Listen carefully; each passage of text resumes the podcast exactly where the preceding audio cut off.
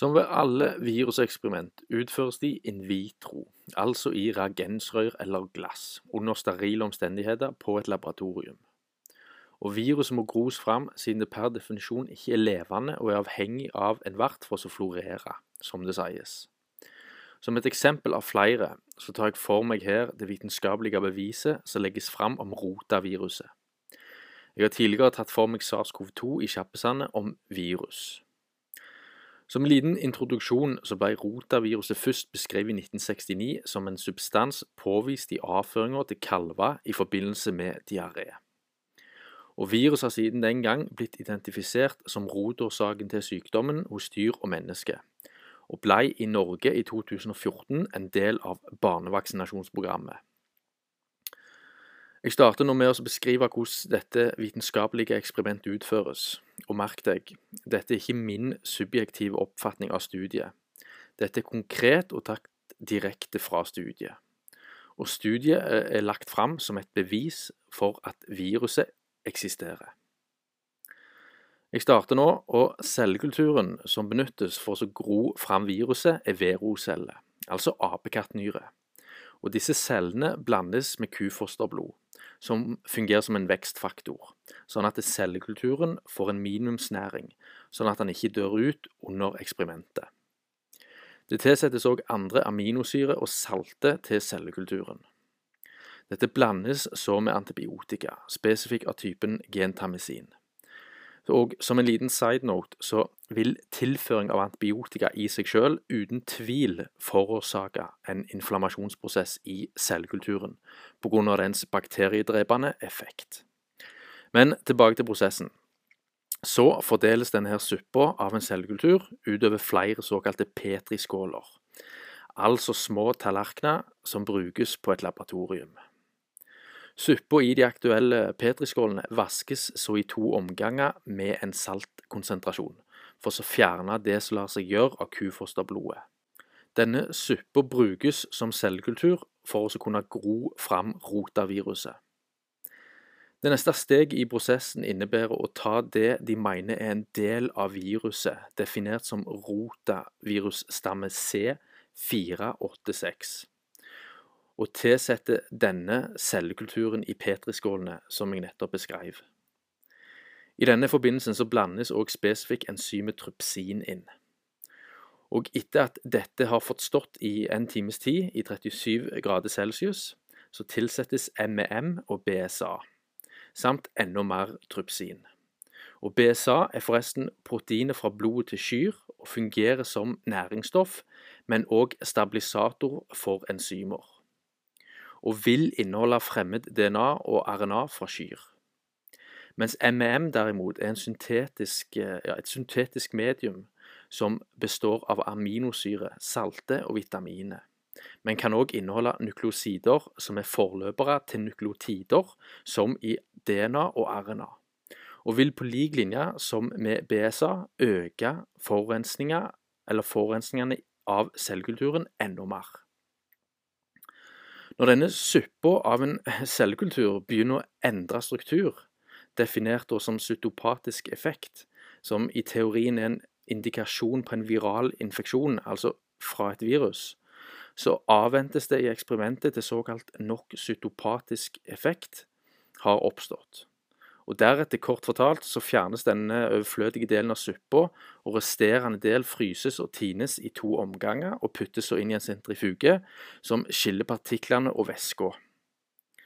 Og Den nå sentrifugerte og utvanna suppa må så observeres gjennom et elektronmikroskop for å kunne identifisere viruset.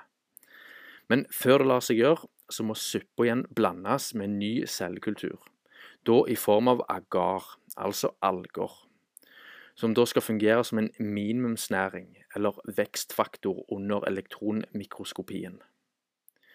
Og så farges dette med fosfotungtinnsyre, eller wolframfosforsyre, som da kan kalles.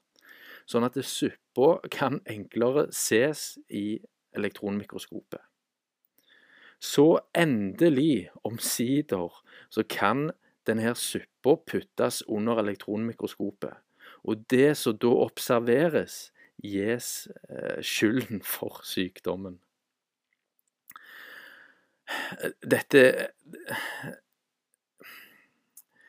dette er en, altså, det er en annen framgangsmetode som òg utføres i dette vitenskapelige beviset for uh, rotaviruset.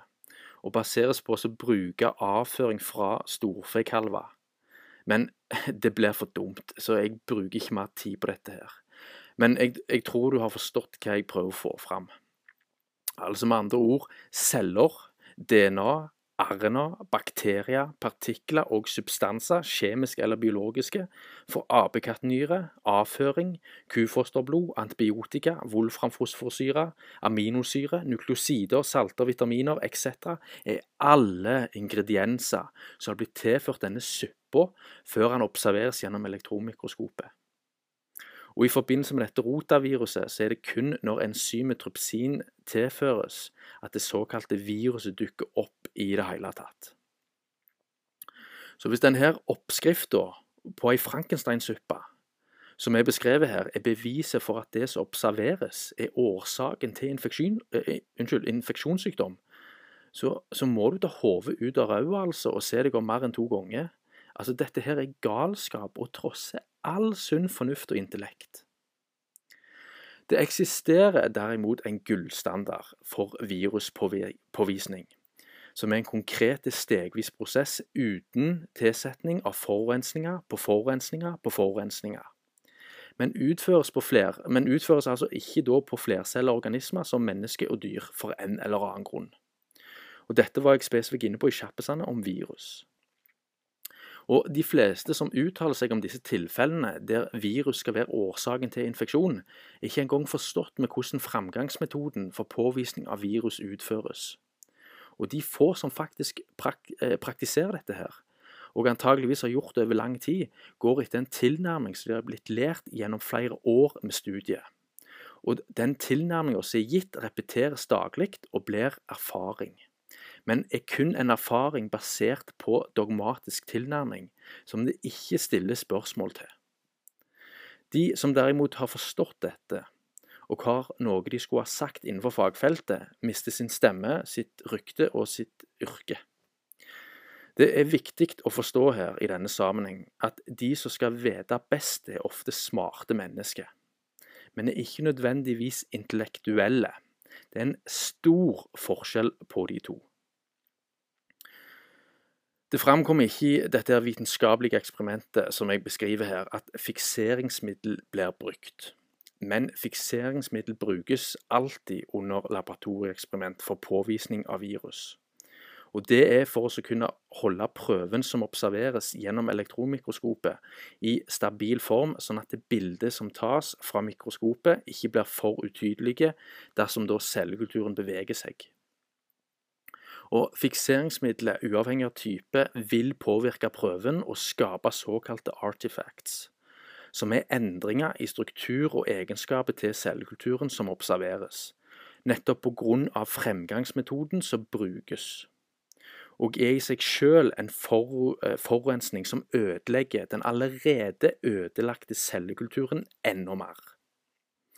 Og Mikroorganismer har på dette grunnlaget blitt feilevaluert og konstatert som f.eks. bakterier, når det egentlig var kun en artifact som ble observert. Og Det er flere eksempler på dette. Og dette innrømmes jo òg, faktisk, tro det eller ei.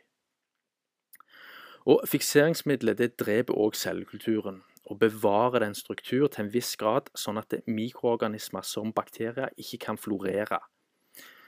Og som som da vil si at alt som vi observerer gjennom et elektronmikroskop, virus eller ikke, er faktisk dødt materiale. Så vi studerer med andre ord dødt materiale og dens degenerering, som er stikk motsatt av liv og røre, for å si det sånn. Når ble det å observere døde mennesker for å beskrive hvordan kroppene våre fungerer, sett på så normalt? Så hva observeres egentlig under disse her eksperimenter som jeg eh, prøver å forklare her? Jo, det som observeres er en naturlig biologiske mekanisme som forekommer i alle celler som er utsatt for enten ødeleggelse eller kall det degenerering. Og Det er det samme som observeres i agurken i kjøleskapet, som forklart i Kjappes 9. Det er bakterier i mindre skala, altså ikke et mikrobiom, men et mikrovirum bestående av virus. Men disse virusene er ikke årsak til sykdommen. Det er noe som arter seg og forekommer i cellene, som jeg nettopp sa, som en naturlig biologisk prosess. For å kvitte seg med denne her, kall forurensninga som har oppstått. Det vitenskapelige navnet på disse her er eksosomer. Og eksosomer avkreftes ikke engang som en potensiell kandidat som kan feiltolkes som et virus.